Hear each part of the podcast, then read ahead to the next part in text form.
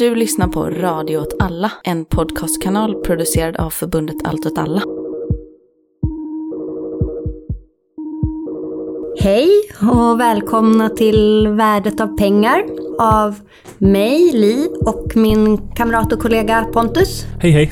Dagens avsnitt kommer nog att eh, handla om lite allt möjligt. Vi har ju lite, vi är fortfarande lite utbrända från för, inspelningen av förra avsnittet. Ja, Och kombinerat med mycket jobb och gjort att eh, vi har tagit vi har tagit lite vad vi har denna gången. Ja. Ehm, vi ska prata lite om bankerna. Vi ska prata lite om plattformsdirektivet. Ja, Vi ska prata lite om prisreglering. stämmer.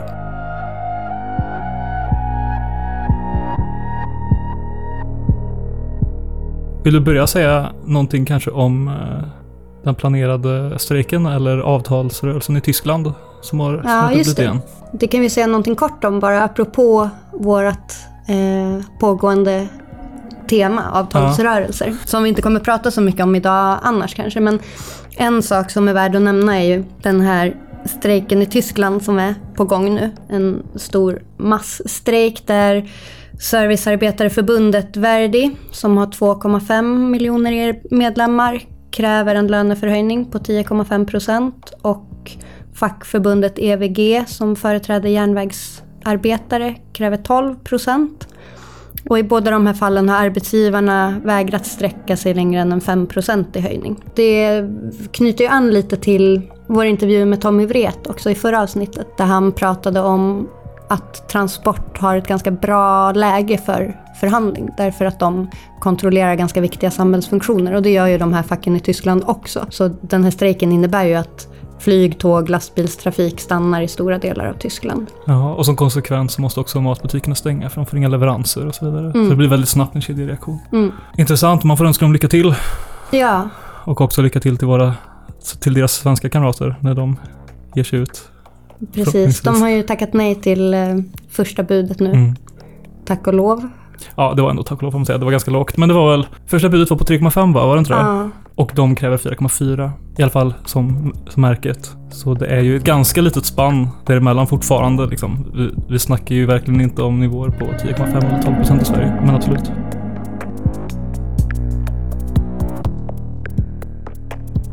Eh, banker. En annan nyhet ja. Ja, det går dåligt för banker.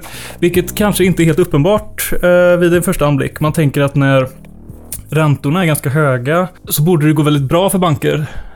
Kan man tycka. För när vi pratar om banker här, i Sverige så är det väldigt ofta i relation till bostadsmarknaden. Mm. Och det stämmer ju verkligen att eh, när eh, Riksbanken höjer sin styrränta så höjer eh, sparbankerna och de kommersiella bankerna räntan mer än så. Så det är mycket möjligt att de också tjänar ganska mycket pengar på detta just nu. Men trots det så ser man eh, ganska mycket rapporter från bankvärlden om att eh, banker går, går omkull av olika anledningar. Så verkar de ha det ganska kämpigt. Mm. Den stora grejen har väl varit att Silicon Valley Bank eh, gick omkull för några veckor sedan. Jag tänkte att många kopplar samman detta med det som också har hänt för Credit Suisse i Schweiz, som också gick omkull och blev mer eller mindre tvångsuppköpta av Deutsche Bank. Det korta man kan säga om detta är väl att det här beror egentligen på två helt olika saker. För att Silicon Valley Bank är ju en bank som är väldigt nära kopplad till framväxten av eh, liksom techindustrin som har vuxit fram där runt Silicon Valley och runt San Francisco de senaste decennierna. Jag läste på Wikipedia hur Ja. den här banken grundades. Mm, jag vet inte om du också har läst. Nej, nej, kör. Eh, jag tänker att det är så talande. Det är alltså två tidigare Bank of America-chefer Ja. och tenniskompisar som kom på idén efter en omgång poker på en lyxresort i Kalifornien. Att de då ville fokusera på startups i Mm. techindustrin specifikt i den här banken. Ja, och den här banken har då specialiserat sig väldigt mycket på att förvalta pengarna då som eh, techbolagen har placerat. Så de har inte en väldigt stor utlåningsverksamhet på det sättet som eh, de stora svenska bankerna har. Utan eh, de är inte helt olika från eh, institutionella investerare på det sättet att de förvaltar och placerar pengar i, stö- i, i ganska stor utsträckning. Och det som händer när räntan går upp är att priset på obligationer går ner. För att en, en obligation funkar så att man lånar egentligen ut pengar till någon och så får man en obligation i utbyte som säger att personen som man har lånat ut pengar till ska betala tillbaka dem med en viss procents ränta efter, säg ett år ungefär. Om det är så att räntan går upp, för hur mycket man får tillbaka på de här obligationerna är ganska tätt knutet till vad räntan är i samhället. Och om då det förhåller sig så att räntan stiger med 5% så blir alla befintliga obligationer väldigt snabbt värdelösa. För att om man nu vill ha obligationer, då tecknar man nya istället, som då är knutna till den nya räntenivån, så att man får helt enkelt tillbaka mycket mer pengar. Och obligationer funkar ju inte bara så att man köper en och så sitter man på den tills man får tillbaka sina pengar, utan det är ju en spekulationstillgång också, så man köper och säljer obligationer som redan tecknats med varandra. Och för att någon överhuvudtaget ska vilja köpa en av de äldre obligationerna så måste priset på den då sänkas så att det blir lika lönsamt att köpa den som att köpa en ny obligation från exempelvis, ja det kan vara någon statsobligation eller och så vidare. Men om då en bank, i detta fallet Silicon, äh, Silicon Valley Bank, som höll extremt stora mängder med obligationer. Det som händer när räntan går upp så snabbt och så kraftigt som det har gjort nu är att hela deras eh, balansräkning mer eller mindre går under. För att den blir eh, nedvärderad extremt, extremt kraftigt. Det här visste ju såklart bankens kunder och blev då oroliga för att banken skulle hamna i någon form av likviditetskris. Det här är ju en kundkrets som har ganska mycket information kan man säga. Och organiserade därför en typ digital bankrun på en förmiddag som mer eller mindre tömde banken på pengar. Mm. Jag tror att de, de öppnade sina telefoner, tog upp sina appar, flyttade 70 miljarder dollar på några timmar och sen var banken helt enkelt omkull. Vad heter den där idioten? Uh, han nazisten, Ja. Peter Thiel, Ja. är det han du menar? Ja. Han har, precis, han har blivit, eh, många har ju tillskrivit honom här lite för att koordinera denna bankrunnen. Eh, han driver något riskkapitalbolag och han hade berättat för sina kunder att de skulle ta ut sina pengar och så vidare. Men Han skrev någon Slack-chatt också. ja, det gjorde han kanske, precis. Men detta, jag kan tänka mig att detta också organiserades ganska löst och det är kunder som eh, inte är främmande för att utföra betalningar med digitala medel kan man säga. Mm. Hur som helst. Banken gick omkull på grund av en... en På sån- grund av honom. på grund av Thiel kan jag säga. På grund Nej. av en nazist. På grund av en nazist. Nej men det har ehm, också... Man har pratat lite om eh, Credit Suisse på samma sätt som eh, Silicon Valley Bank, men den, dess problem är egentligen helt annorlunda.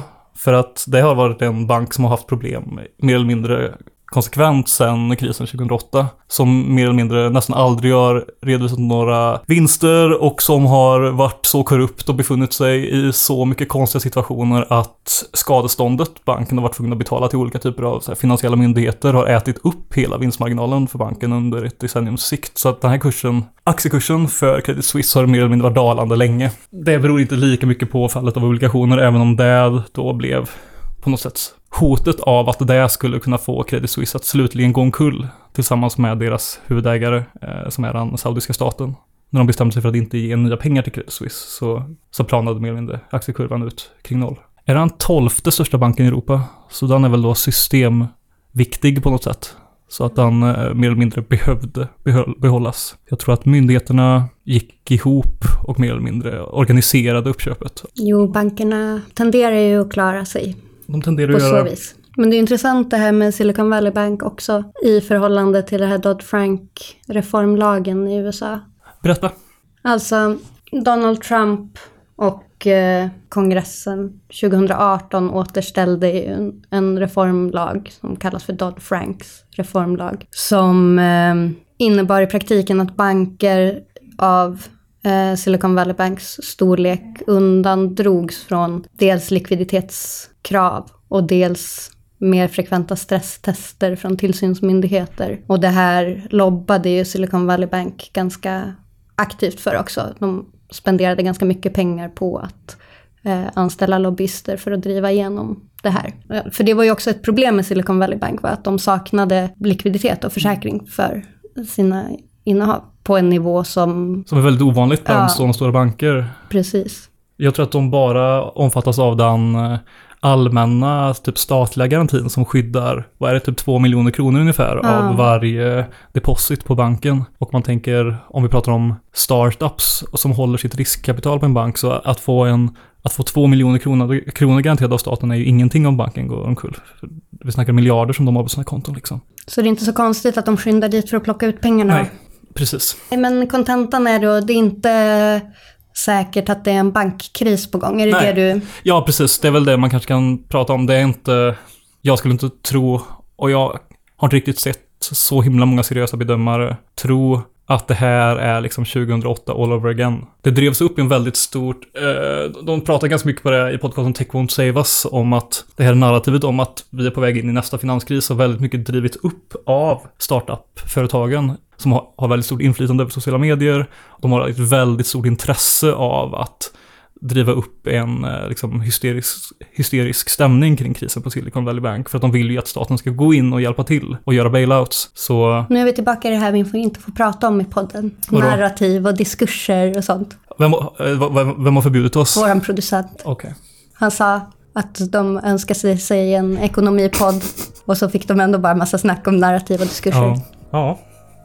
Det, det är som det är när man har att göra med nigerianer. Ja, och du får klippa inte, bort det här Kalle om du inte vill att sanningen ska komma ut. de respekterar inte Laclau och Muff tillräckligt mycket i- poddredaktionen. Men du kan ju inte bara saker om banker Pontus. Jag kan ingenting om banker, men, eh, men eh, jag kan lite om plattformsekonomin. Du och- kan väldigt mycket om plattforms... Du forskar Eh, om plattformsekonomin. Ja, jo, det gör jag. Och startups och techsektorn har ju inte bara varit i ropet när det gäller Silicon Valley Bank, utan det har faktiskt kommit till toppen av nyhetscykeln även i Sverige den senaste veckan på grund av eh, Timbros Timbrus stunt när han har jobbat som Foodora-bud. Eh, jobbat inom citationstecken för att han har ju faktiskt fortfarande varit anställd som ekonomichef på Timbro och cyklat runt i stan två timmar om dagen vid lunchtid för att bevisa på de positiva aspekterna av att arbeta inom gigekonomin. Eh, jag tänker inte kommentera det så himla mycket. Det, är ju, det var ju ganska roligt att titta på hans stream, för han såg väldigt, väldigt dum ut när han gjorde det. Han argumenterade ju för att han tjänade in eh, någonstans runt 165 kronor i timmen när han jobbade hos Foodora. Och det stämmer säkert. Men det var ju för att han jobbade ju de två timmarna på dagen där det faktiskt finns ordrar att köra ut. Beställer man mat via Foodora så gör man det vid väldigt specifika tidpunkter på dagen. Så att om det bara är de timmarna man jobbar så har man såklart en timlön som är jämförbar med andra yrken. Men eh, de flesta som arbetar i gigekonomin är trots allt folk som försöker eh, skapa sin försörjning genom det. Och två timmar om dagen är tyvärr inte tillräckligt att arbeta för att gå runt i detta samhället. Men det jag tänkte prata om lite grann var två saker. Dels att Foodora skiljer sig ganska mycket från andra företag i det som man brukar kalla för plattformsekonomin eller gigekonomin. Transportarbetarförbundet exempelvis. De eh, kallar ju inte Foodora för ett eh, gigföretag överhuvudtaget på grund av att Fodoras Foodoras relation till sina anställda är relativt typisk för en standardiserad anställning i Sverige. Foodora sysslar ju med extremt mycket skit. Liksom. De eh,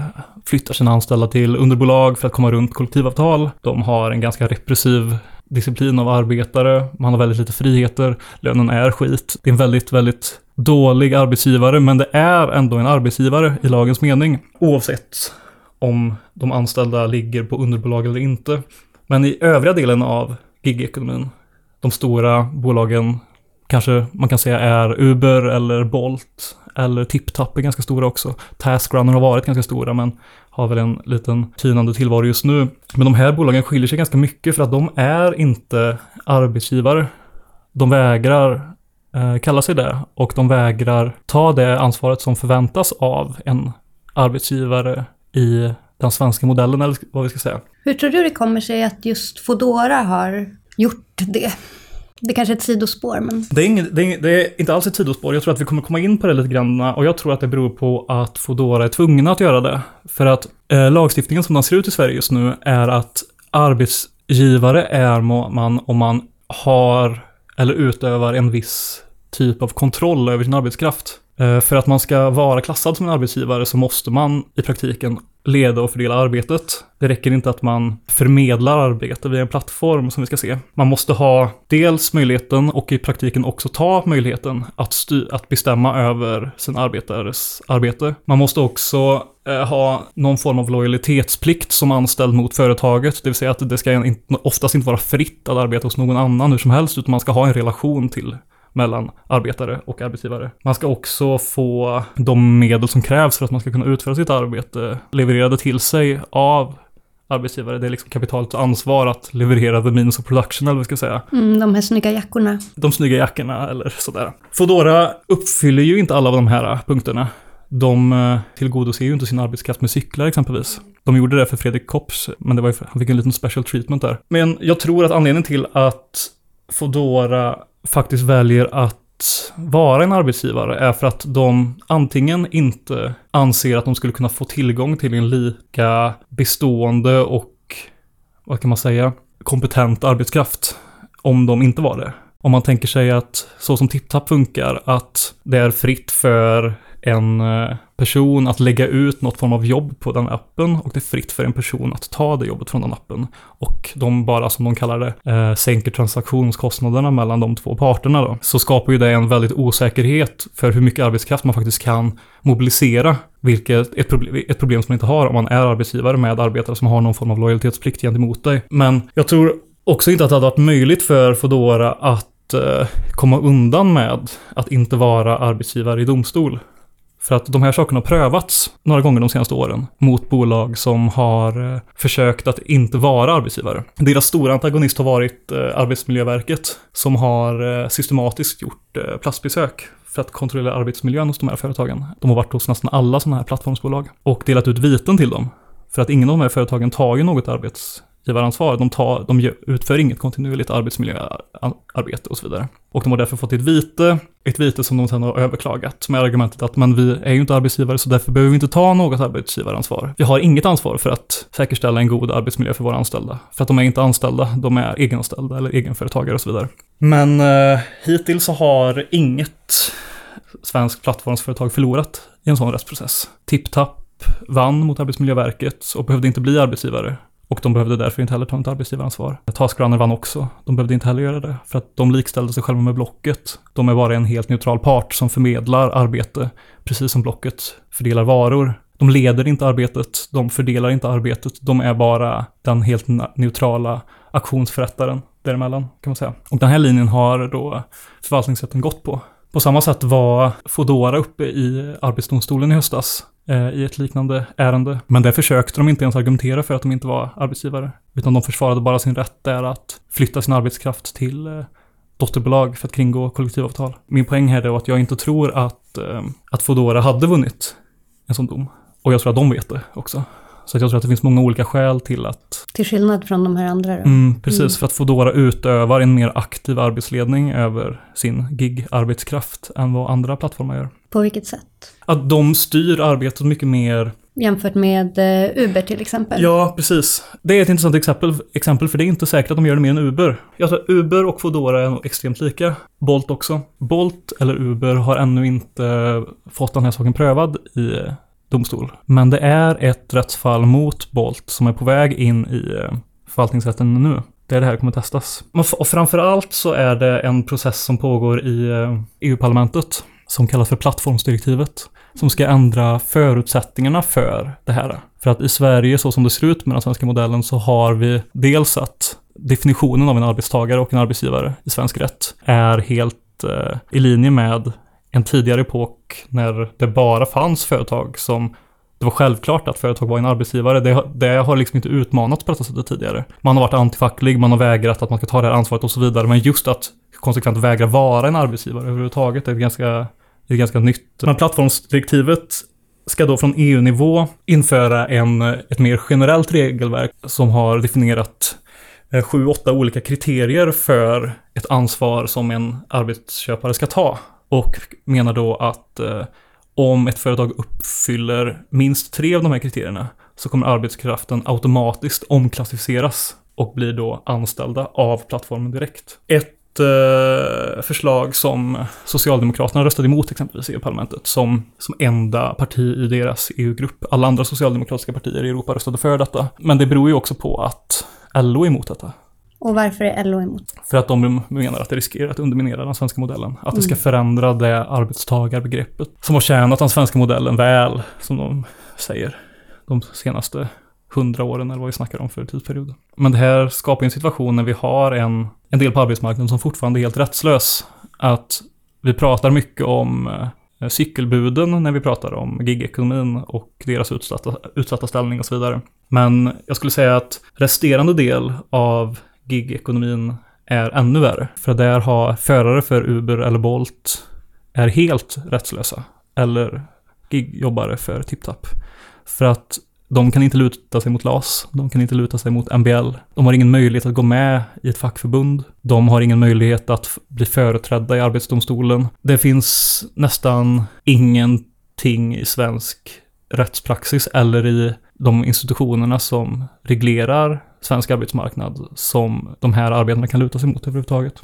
Jag vill ta upp detta för att det är ehm, en intressant sak som pågår just nu. Att det här plattformsdirektivet är under utformning. Även fast sossarna röstade emot det så gick den här delen fortfarande igenom. Och eh, igår så läckte det lite mer eh, information och dokumenten på hur plattformsdirektiven faktiskt är utformade as they stand, vet vi nu exempelvis de tre av sju kriterierna. Mm, det, det, handlar i huvudsak om att om eh, plattformen eh, påverkar den övre gränsen eller generellt sett lönenivån för de anställda. Det är ett kriterium för om man är arbetsgivare. Om företag gives instructions on how the work is to be performed with regard to appearance or conduct, restricts the discretion to choose working hours or periods of absence, to refuse tasks, to use subcontractors or substitute or prevents the person performing platform work from developing business contracts with potential clients. Eller om the digital platform closely supervises the performances of work. Also by, by thoroughly verifying the quality of the results of the work of persons performing platform work. Etc. etc.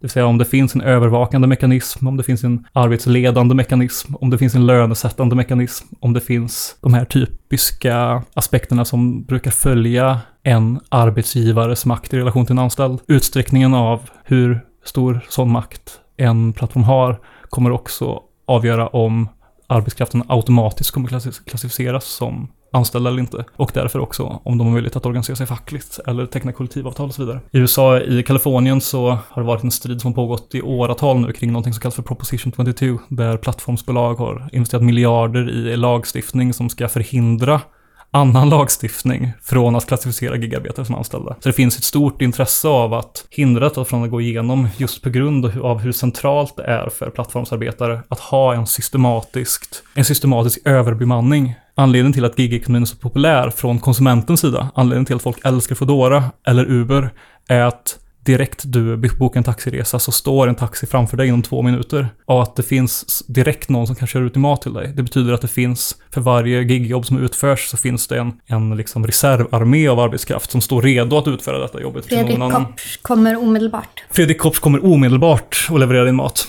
Och det beror på att 20 personer gjorde det inte.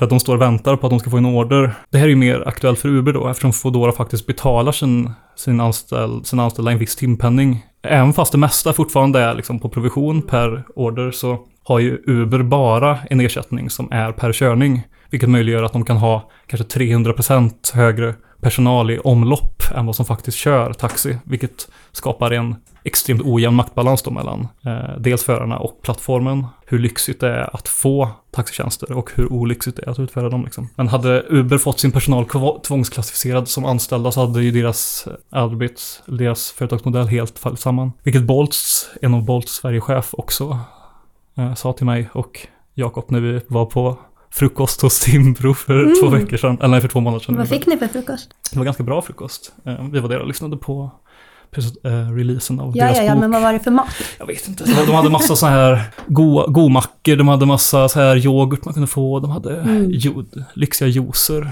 Det var bara pengar, inget problem där. Ja, men det var väl kanske den lilla rapporten jag ville göra om uh, nu när gigekonomin åter är i ropet. Lite av de här sakerna pratar vi om regelbundet i Gigwatch-podden också. Lyssna på den. Jag tänker att många av våra lyssnare kanske också lyssnar på den, men uh, nu blev det lite gig-ekonomi också i den här podden. Och hur ser det ut nu framöver då? Vad är nästa steg? Det som kommer hända är att eh, just nu är det en eh, debatt i någonting som heter The Social Question Working Party, heter gruppen i EU-parlamentet, som diskuterar den här frågan och den består då av olika representanter från olika eh, europeiska länder och de kommer då mejsla fram en ex exakta skrivelser i detta direktivet som då eh, alla tycker är möjliga att översätta till lokal lagstiftning. Sen så kommer det bli en ytterligare en omröstning i EU-parlamentet om detta. Och sen ska detta då ratificeras och det ska om, eller framförallt ska det omsättas i nationell eh, lagstiftning. Och det är väl här det kan bli en potentiell skillnad då.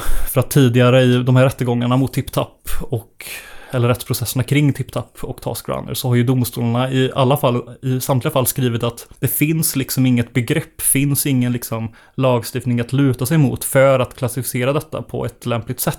De har varit ganska tydliga med det, att de, det saknas liksom riktlinjer att förhålla sig till eh, i arbetsrätten för plattformsekonomin. Och möjligtvis kan detta förändra det då. Och min spontana gissning är att plattformsdirektivet kommer att spela roll för Uber och Bolt. Jag tror att de kommer att trigga eh, anställningspresumtionen i det, detta direktivet. Men jag tror inte att TipTap kommer göra det. Det kommer fortsätta vara, som i Blocket. Helt rättslöst. För att de inte har någon, liksom, något element av arbetsledning som de kommer inte trigga anställningspresumtionen ens efter plattformsdirektivet tror jag. Men möjligtvis kommer det spela roll för Uber och Bolt.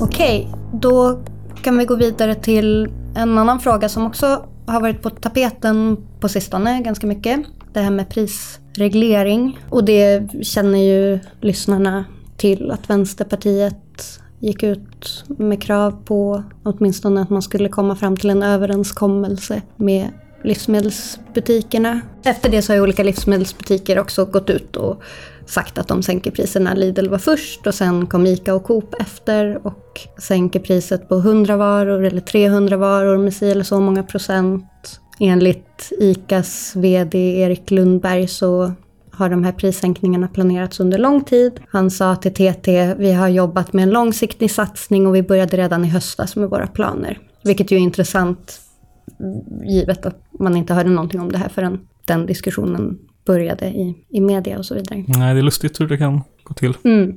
Men vi kanske kan komma tillbaka till dagens situation och prisreglering och så vidare lite längre fram. Jag tänkte att vi kanske kunde backa lite till att prata om lite andra historiska exempel på prisreglering. Då tänker jag att jag skulle vilja prata om andra världskriget. Dels själva andra världskriget och sen lite efter andra världskriget. Egentligen kanske perioden efter andra världskriget har eh, större likheter med den period vi befinner oss i idag än vad själva andra världskriget gjorde.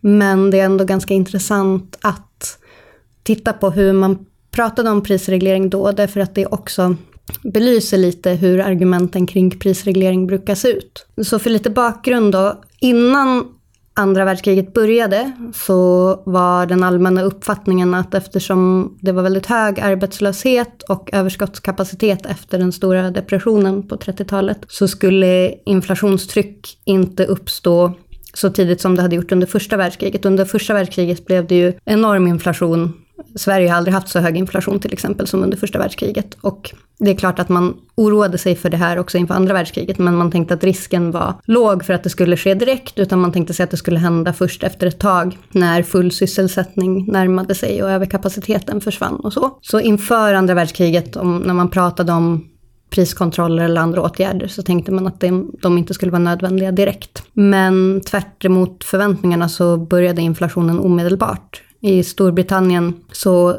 steg grossistpriserna med 27 procent fyra månader efter kriget hade startat och levnadskostnaderna med 10 procent fast arbetslösheten knappt hade sjunkit. Berodde detta på att uh, utbudet helt enkelt ströps av kriget oavsett? Att det blir svårt att få leveranser eller? Bland annat. Ja. Och samma sak i, i USA. Att inflationen gick från 3% till 15% fast arbetslösheten fortfarande var hög. Och, så, och USA fortfarande inte hade gått med i kriget. Det här var alltså i juli 41 som de låg på 15% Så hur skulle man lösa det här då? Den här eh, inflationen. När en mainstream-ekonom ställs inför den här frågan, vanligtvis så säger man att man ska låta marknaden återställa jämvikten. Alltså prissättning har en, en signaleringsfunktion. Över medellångt sikt så säkerställer det här en effektiv fördelning av resurser. Vi kommer komma tillbaka till det lite grann. Men problemet i krigstid är ju att det inte finns någon tid riktigt för det här. Om man väntar på ett högt pris för att uppmuntra tillverkningen att expandera till exempel så kan man förlora en hel del liv innan det vinstintresset har gett det material som behövs. Ja, precis, jag fattar. En, en förutsättning nu när vi pratar om andra världskriget är också att i krigstid så vill man också ställa om produktionen och rikta medlen till vissa eh, delar av samhället. Framförallt då den militära upprustningen, tyvärr. Men, men det är liksom en, en förutsättning. Krigskeynesianism som staten går in i. Ja, precis. Och apropå Keynes så är ju han känd för att ha sagt att the long run is a misleading guide to current affairs. In the long run we are all dead. Som exempel på varför eh, de här modellerna kanske inte alltid är så applicerbara. Och här kan man ju säga att eh, när det gäller krig så kan man vara död på kort sikt också. ja, liksom. Ja. Och ett annat argument mot att förlita sig på fri rörlighet för priser eh, när krigsmobilisering äger rum är att då kan det uppstå överskottsefterfrågan som det heter, inte bara på militära varor utan också på civila varor.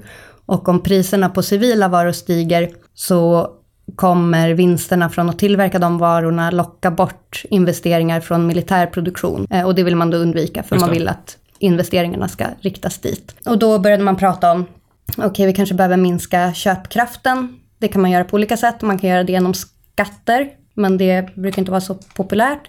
Eller som Keynes då föreslog genom att öka sparandet. Så hans förslag var att man skulle, egentligen tyckte han att frivilliga besparingar var bäst, men det skulle inte gå att få folk att göra, så han föreslog tvångsbesparingar. Eh, han kallade det för uppskjutna löner, alltså man skulle placera, tvångsplacera löner som en spärrad insättning i en speciell bank med ränta på 2,5 procent för Okej. att eh, dra bort en del av köpkraften från ekonomin. Så det var ett förslag. Och så finns det en snubbe som heter John Kenneth Galbraith som var en kanadensisk-amerikansk keynesiansk nationalekonom. Och han blev också biträdande chef för priskontrollmyndigheten i USA under andra världskriget. Jag kommer prata en del om honom nu därför att han har skrivit en del om det här. Uh, han satt där tills de konservativa i kongressen och näringslivet tvingade bort honom i maj 43 anklagad för kommunistiska tendenser. Mm. Mm. Han är också känd för att ha myntat uttrycket conventional wisdom. Han var den första som använde det. Mhm. Han var också 206 centimeter lång. Jävlar. Ja, så det här är en bakgrund på honom. Han skrev också en bok som hette Theory of Price Control 1952. Så den boken och lite hans memoarer ligger också till grund för den här redogörelsen för hur diskussionerna gick till under andra världskriget. Och han i alla fall var inte övertygad om att det här med att dra in köpkraft var en bra idé.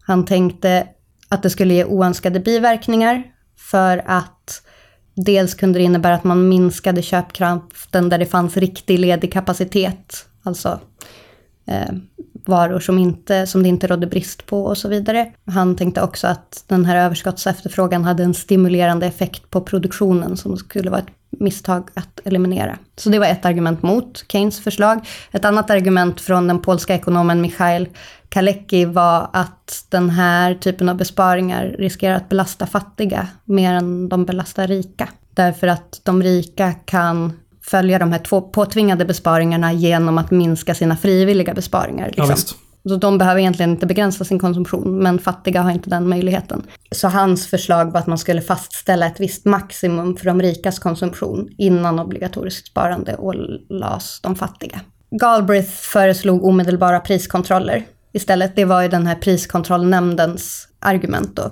Initialt så var deras fokus att man skulle priskontrollera vissa specifika varor. Just Alltså, för, för, man, för man skulle inte dämpa suget på investeringar i militärindustrin utan man skulle sikta in sig på den civila då. ja, För precis. att Och driva man skulle... därifrån. Man skulle kontrollera specifika varor, varor som det fanns ont om Ja, för att minska eh, trycket på Just det. dem. Så initialt så skulle man sätta ett tak på 75 till 100 av de viktigaste varorna. Vilket påminner lite om det här med eh, priskontroller på 100 basvaror hos Lidl eller ICA. Liksom, att man utgår från, från det. Sen fanns det en snubbe som hette Bernard Baruch som var ordförande i War Industries Board under första världskriget. Och han eh, motsatte sig den här vägen som Galbraith och kollegorna på priskontrollnämnden gick. Han sa till kongressen 1941 att han inte trodde på prisuppgörelser eller prisbegränsningar som var uppdelad på det här sättet, utan att man måste sätta ett tak över hela prisstrukturen, alltså totalprisstopp. Och då har Galbraith i sina memoarer så skriver han om hur Baruchs förslag mottogs då 1941. Då skriver han så här i min översättning till svenska. Vi blev förskräckta alla ekonomer var förskräckta. En ekonom utan ett prissystem är en präst utan en gudomlig varelse. Vi hade ägnat våra liv åt att lära oss om priser och lära andra hur de steg för att uppmuntra nödvändig produktion, hur de föll för att avskräcka onödig produktion. Enligt barockplanen skulle hela denna beundransvärda mekanism vara i limbo. Vi kunde inte acceptera barocksystemet. Så initialt under andra världskriget fanns det ganska mycket motstånd mot totalpriskontroll. Även om den här lösningen inte var helt ny. För i Tyskland hade man infört allmänt prisstopp redan 1936. Men enligt Galbraith då så ansågs det till stor del vara ett beslut, citat, tagna av män som var intellektuellt oförmögna att väga alternativen. För deras onyanserade sinnen verkade det vara det enda sättet att förhindra inflation. Ja, så man tänkte att ja, i Tyskland är de lite dumma, men det här kommer inte funka. Och anledningen till att man tänker att det inte, eller att det fanns ett sånt stort motstånd mot det här, är ju att många ekonomer tänker att fria marknadspriser är oumbärliga och bör störas så lite som möjligt. Så textboksförklaringen är att fritt rörliga priser är ekonomins ransonerings och allokeringsmaskineri. Liksom, det håller efterfrågan på varor lika med vad som finns tillgängligt. De styr resurser från mindre till viktigare användningsområden och så vidare. Om priserna är fasta så kan de ju inte utföra de här funktionerna längre. Mm, de förmedlar inte längre någon information. Precis. Och då blir effekten Alltså som minst blir effekten att ekonomin inte fungerar så bra. I värsta fall kan det bli kaos. Mm. är liksom hypotesen. Och ett av huvudargumenten för fri marknad är att om det statliga priset är lägre än marknadspriset så kommer mindre att levereras av producenten. Det är ett argument. Alltså, det kommer påverka produktionen. Vi kommer komma tillbaka till det här. Ett annat argument är att om ett statligt pålagt pris är lägre än marknadspriset så kommer efterfrågan till det priset vara större än utbudet. Och då kommer inte alla få det de vill ha. Och de som då är utestängda kommer frestas att i hemlighet erbjuda producenten mer än det lagliga priset. Och då kommer det utvecklas en svart marknad. Om inte någon har makten att bestämma vem som ska berövas varan och vem som ska få den och så vidare. Om det då är fri konkurrens och det finns många producenter, köpare och råvaror så är det omöjligt för en statlig myndighet att fatta de här besluten. Just det. Ja, så man tänker sig att det här är en, en risk. Men det blev ganska snabbt problem med den här modellen av att bara rikta in sig på vissa specifika varor. För att antalet varor som utgjorde problem sköt i höjden i takt med att det blev brist på fler och fler varor och så vidare. Man kan ju också kanske tänka sig att om ett bolag får eh, ålagt priskontroll på ett, en viss del av sitt ja. utbud så kommer de höja priset på det andra för Precis. att försvara sina marginaler. Eller man siktar in sig på en annan typ av produktion. Ja. Eh, andra varor och så. Så även om den här priskontrollnämnden då utökade sin personal jättemycket så blev uppgiften att studera det här växande antalet marknader för problematiska varor och föreslå genomtänkta prisscheman för var och en av dem. Det blev omöjligt mm. ganska snabbt. Så då den 28 april 1942 så genomförde man det som kallas för General Maximum Price Regulation, som satte ett tak på alla priser. Så då, från och med det datumet så skulle ingen säljare få ta ut mer än det högsta pris som säljaren hade tagit ut under mars månad 1942. Ah, Okej, okay, så det knöts till ett ankare liksom? Vad sa du? Det är det jag har funderat på lite också. Hur gör man för att bestämma det finns ju när, ett närmast oändligt antal varor liksom, ja. i cirkulation, så hur bestämmer man vad det reglerade priset ska vara? Men det är ganska rimligt att knyta det till något historiskt pris. Precis. Så man knöt det till priset ja, månaden innan då. Ja. Och då samma vara, inte samma, lik, likadan ja. vara såld till köpare av samma klass. Just det. Typ. Och liknande regleringar infördes i många andra länder, i princip alla länder. Mm. Eh, till exempel införde man allmänt prisstopp i Sverige den 31 oktober samma år, så typ ett halvår senare. Och det som är intressant då är att inget land kollapsade ju eh, på grund av de här kontrollerna. Tvärtom, när det gäller USA så fördubblades deras BNP per capita mellan 39 och 44. Industriproduktionen nästan tredubblades. Och det var möjligt att producera en enorm mängd krigsmateriel samtidigt som den civila levnadsstandarden ökade. Då. Både, och samma sak i Sverige. Efter att man införde prisstoppet så låg priserna i princip still till 1947 här. I efterhand har man kunnat se att det här inte fick de ogynnsamma effekter på ekonomin som man hade förväntat sig. det är omdiskuterat var, hur det här kunde hända trots, Trots eh, marknadens, trots, trots det vi vet om ja. Ekonomin. Mm.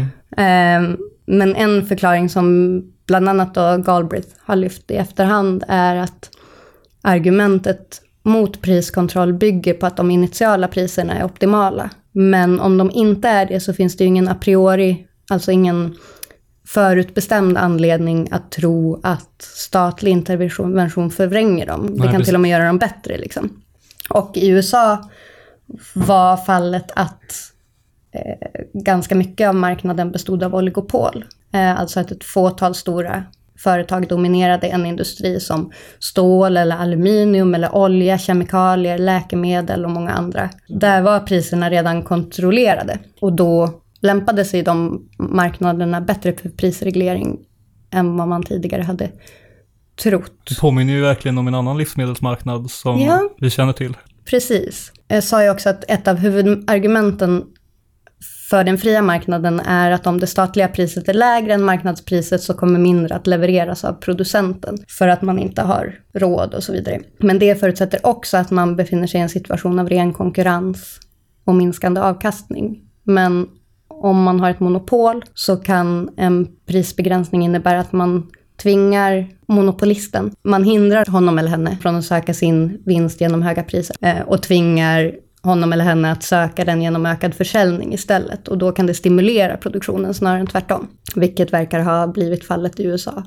Det är lite hur diskussionen gick i, i USA. Och sen efter kriget, det här har också Isabella Weber skrivit om, och vi kanske kommer tillbaka till henne. Hon skrev ju en artikel i The Guardian där hon förde fram prisreglering som ett alternativ i den inflation vi befinner oss i idag. Och då hänvisade hon till vad som hände efter Mm, andra så. världskriget. Och efter andra världskriget så var det några av 1900-talets mest framstående amerikanska ekonomer som efterlyste en fortsatt priskontroll i New York Times. Istället för att bara skippa priskontrollerna så tyckte man att man skulle hålla fast vid dem. Och det var ekonomer som Paul Samuelson, Ir- Irving Fisher, Simon Kuznets och så vidare. Alltså, Alla nobelpristagare. Ja. Mm. de menade då att så länge flaskhalsar gjorde det omöjligt för utbudet att möta efterfrågan, det vill säga liknande den situationen som vi befann oss i och fortfarande befinner oss i lite idag, så borde priskontroller för viktiga varor fortsätta för att förhindra att priserna skjuter i höjden då. Och Galbraith anslöt sig till de här uppmaningarna och han menade då att priskontrollernas roll skulle vara strategisk. Han skrev att no more than the economist ever supposed will it stop inflation, but it both establishes the base and gains the time for the measures that do. Och det här tänker jag är också poängen när man pratar om priskontroller idag. Jag tror inte att det finns någon som tror att priskontroller i sig kan förhindra inflationen, därför att risken finns alltid att när man sen tar bort dem så kommer inflationen tillbaka, att det bara kapslar in dem. Just Men det. Det påminner ju också om vad det som eh, Isabella Weber skriver i sin artikel, Ja. att på samma sätt, det är samma sak kan man säga om räntehöjningarna. Det är inte så att räntehöjningar kommer laga liksom leveransleden Nej. runt om i Europa efter pandemin exempelvis, eller? eller stoppa kriget. Nej, precis. För det, det handlar ju också om, på, på precis samma sätt som priskontrollerna skulle vara en, en åtgärd för att minska konsekvenserna av inflationen, så är ju eh, räntorna det också. Precis, så det är det lite som är poängen. Och vi kan kanske komma tillbaka till det igen om en liten stund. Jag tänkte bara ta ett annat exempel också från Västtyskland efter andra världskriget. Det är lite liknande. Alltså, mm, det finns en tysk historiker, Uwe Furman, som har skrivit om det här. Efter andra världskriget så plågades Västtyskland av strikta prisregler och brister och ransonering. Och den dåvarande ekonomiministern Ludvig Erhard planerade att få de villkoren att upphöra med hjälp av en fri marknadsekonomi och omfattande prisavregleringar. Och med tillstånd då från de amerikanska ockupanterna så tog han första steget i den riktningen med en valutareform som lanserades i juni 1948. Då påbörjade han det här arbetet. Men hans antagande att priserna snart skulle plana ut visade sig vara felaktigt. Alltså den här idén om att det återställs någon slags jämvikt. Istället så ledde snabba prisstegringar till desperation som följdes av arga protester. Och situationen förändrades inte förrän man införde administrativa åtgärder som stred mot den här ursprungliga planen. Så i september 48 så fastställde myndigheterna juridiskt bindande maximipriser för slutkonsumenter och begränsade vinstmarginalerna till 20 procent. Så det här är någon slags kombination av både pris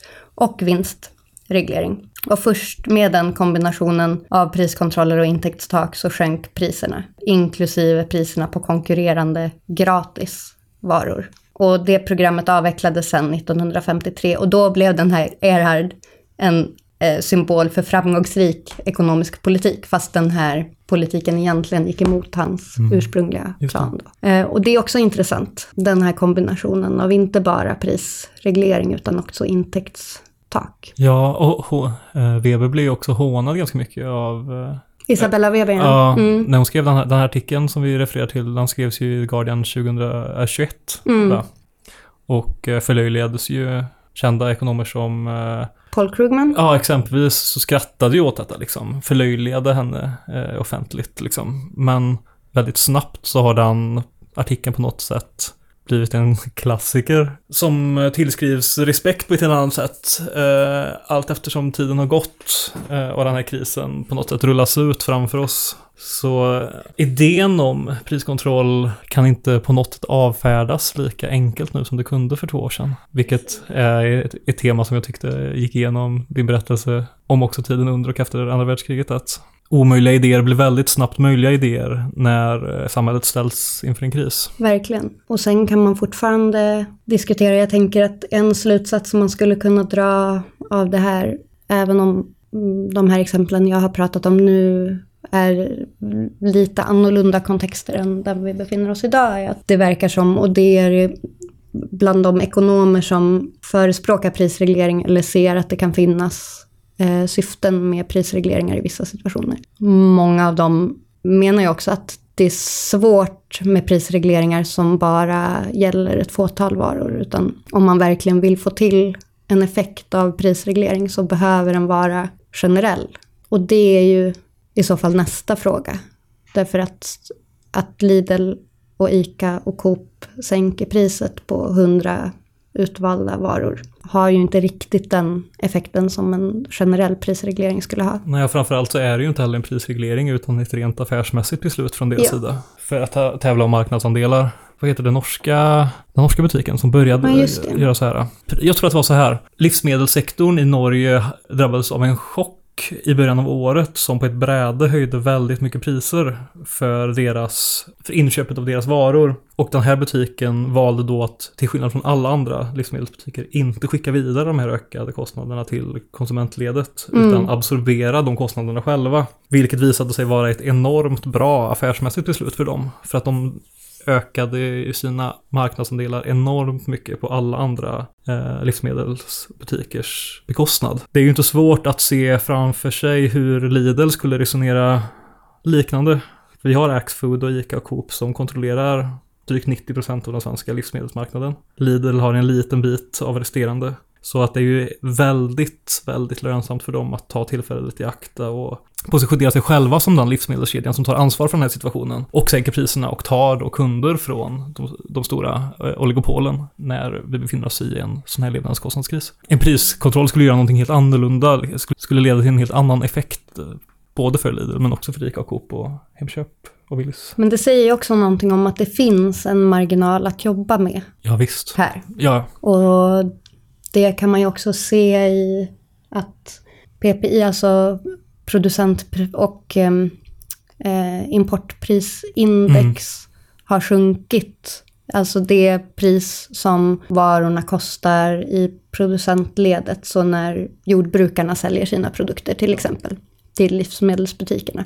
De priserna har, de gick upp i samband med kriget förra våren. Men sen har de kontinuerligt sjunkit och det har ju inte priserna i livsmedelsbutikerna gjort. Sen argumenterar de för att det beror på att de handlar upp på kontrakt om ett kvartal eller ett halvår och så vidare. Men eh, trots det så finns det ju, det är någonting där som, som diffar. De skyller ju också väldigt mycket på att den svenska kronan är svag, yeah. vilket gör det dyrt för dem att importera. Och det stämmer ju, men frågan är då varför priserna på inhemskt producerade varor stiger. Man kan också, de skyller också på att elpriset är högt. Men ja, det drabbar ju framförallt producenterna av varorna mm. som uppenbarligen inte har ökat sina priser i samma takt. Så att det finns ju, man kan ju syna extremt mycket av den här skiten som de, eh, som de lägger fram som försvar. Men det är precis som du sa innan att är det ett oligopol så kommer det de gör är att kontrollera utbudet och priset på ett sätt som Ja. gör att de tjänar pengar. Och som gör att de här argumenten mot prisregleringar inte riktigt håller heller. Ja, för det finns inget marknadspris på det sättet som ekonomer pratar om marknadspris. För det bygger de på massa antaganden om att det ska vara fri etablering, att företag när som helst kan göra entry och exit och inte ha någon möjlighet att påverka priserna. Det är egentligen det som är, om man ska fråga nationalekonom vad definitionen är på en fri marknad så är ju det att en aktör inte har möjlighet att sätta priset. För att det ska finnas så många aktörer som gör att om man försöker sätta ett pris som är högre än marknadspriset så blir man automatiskt utslagen. Men så funkar det inte om det finns tre aktörer som kontrollerar 90% av marknaden. För då kan det bli kartellbildningar väldigt, väldigt, väldigt enkelt. Sen finns det ju andra aspekter av det också. Jag såg någon liberal på Twitter som la upp någon lista som var typ 1917 potatispriset regleras, det blir potatisbrist. 1900 bla bla, det här priset regleras, det blir bla bla brist och så vidare. Och den typen av argument, om man tar 1917 och potatisbristen där Alltså jag blir så sur över det här, den här, jag vet att det bara är retorik, men det är så dumt. För att dels så i första ledet berodde ju potatisbristen på att skörden slog fel 1916 och på avspärrningen i samband med att Tyskland förklarade det oinskränkta ubåtskriget i början av 1917 och så vidare. Eh, som, som skapade problem när det kom till potatisproduktionen och sen införde man då en potatisreglering. Det blev potatisbrist och den potatisbristen uppstod, insåg man i efterhand, när staten tvångsla potatisproduktionen under sig. Liksom, hade uppstått därför att eh, producenterna hade undanhållit en massa potatis från marknaden i spekulationssyfte. Och det är klart att det här kan hända med prisreglering. Eh, att man väntar med att sälja potatisen med förhoppningen om att det ska, priset ska gå upp längre fram. Eh, men det är ju inte ett argument Mot prisreglering. Nej, det är ju ett argument mot kapitalismen. Kanske. Kanske. Ja, ja, det var en parentes. Men sen tänker jag, en annan fråga när det kommer till det här med prisreglering är ju också vad syftet med den är. Man kan tänka sig två syften som lyfts fram i debatten nu. Det ena syftet kanske är att pausa inflationen lite och det underliggande syftet där, eller eh, argumentet, är ju att se till att framförallt de fattigaste inte ska drabbas så hårt av den här inflationen. För det är klart att med stigande inflation och urholkade reallöner så är det ju de som har lägst inkomster som drabbas hårdast därför att de inte kan lägga om sin konsumtion. Men där kan man också fråga sig om prisreglering är det effektivaste verktyget. Därför att alltså man kan tänka sig att ett problem med prisreglering är att det påverkar alla på samma sätt. Mm.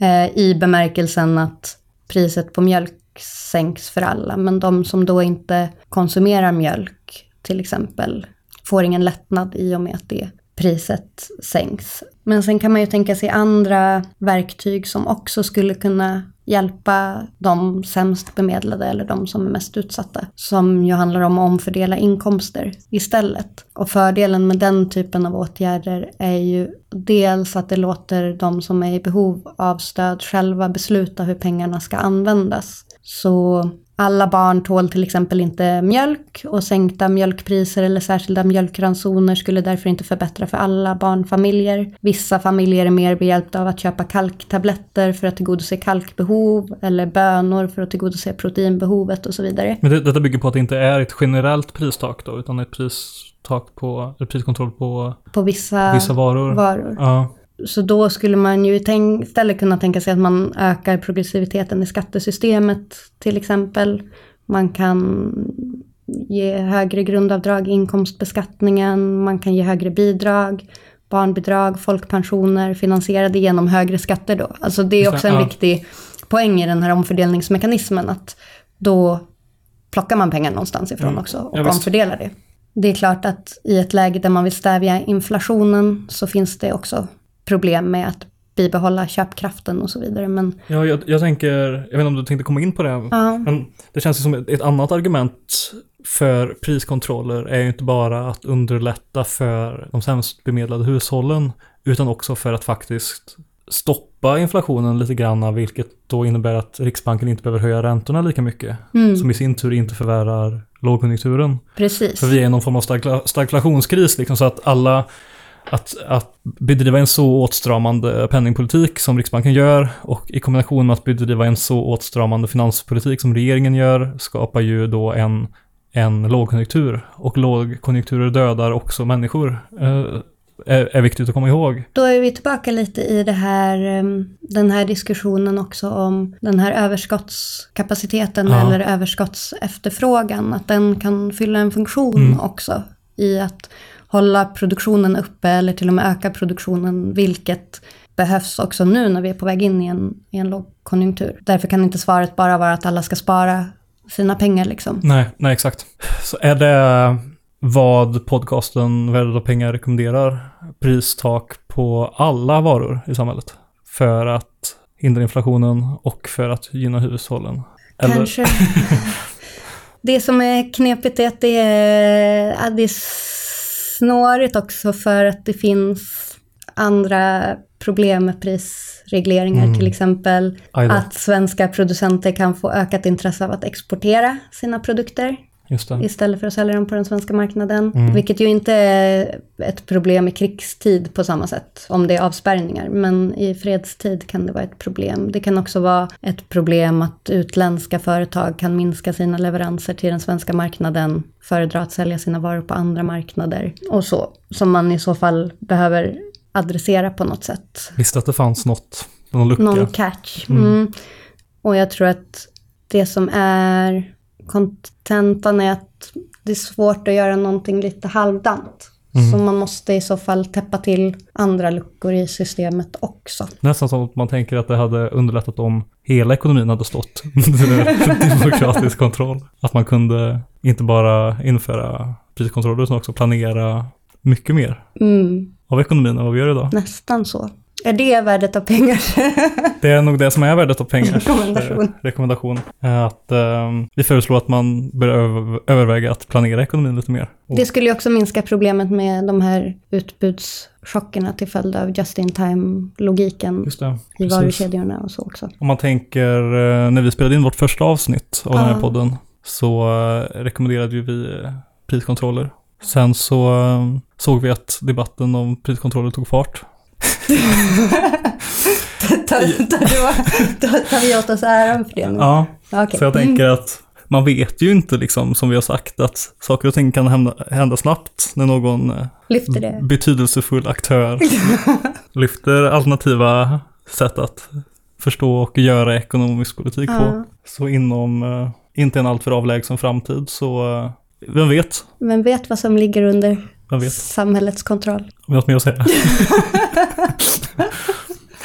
Jag ville säga en sak till om prisregleringar innan Kör. vi slutar. Mm. Att det finns ju också prisreglering på ganska mycket. Det finns det. Eh, ungefär 15% av alla varor som eh, används för att beräkna eh, KPI i Sverige är prisreglerade. Det handlar om allt från medicin till kollektivtraf- kollektivtrafikresor. Det finns mycket va- varor och tjänster som är reglerade även nu. Och i Schweiz så är den siffran över 30%. Det vill säga att 30% av alla varor som används för att beräkna ett inflationsmått är redan under priskontroll. Så det är inte, man, man har en tendens att liksom naturalisera den rådande ordningen på det sättet att det är ingen som problematiserar att vi har priskontroll på medicin eller på eh, Sjukvård. på sjukvård eller på olika typer av varor som är associerade med den offentliga sektorn. Liksom. Nej, och också om man tänker ehm, New York Stock Exchange Circuit Breakers, som det heter. Alltså att handeln stoppas när. Dow Jones faller mer än 10%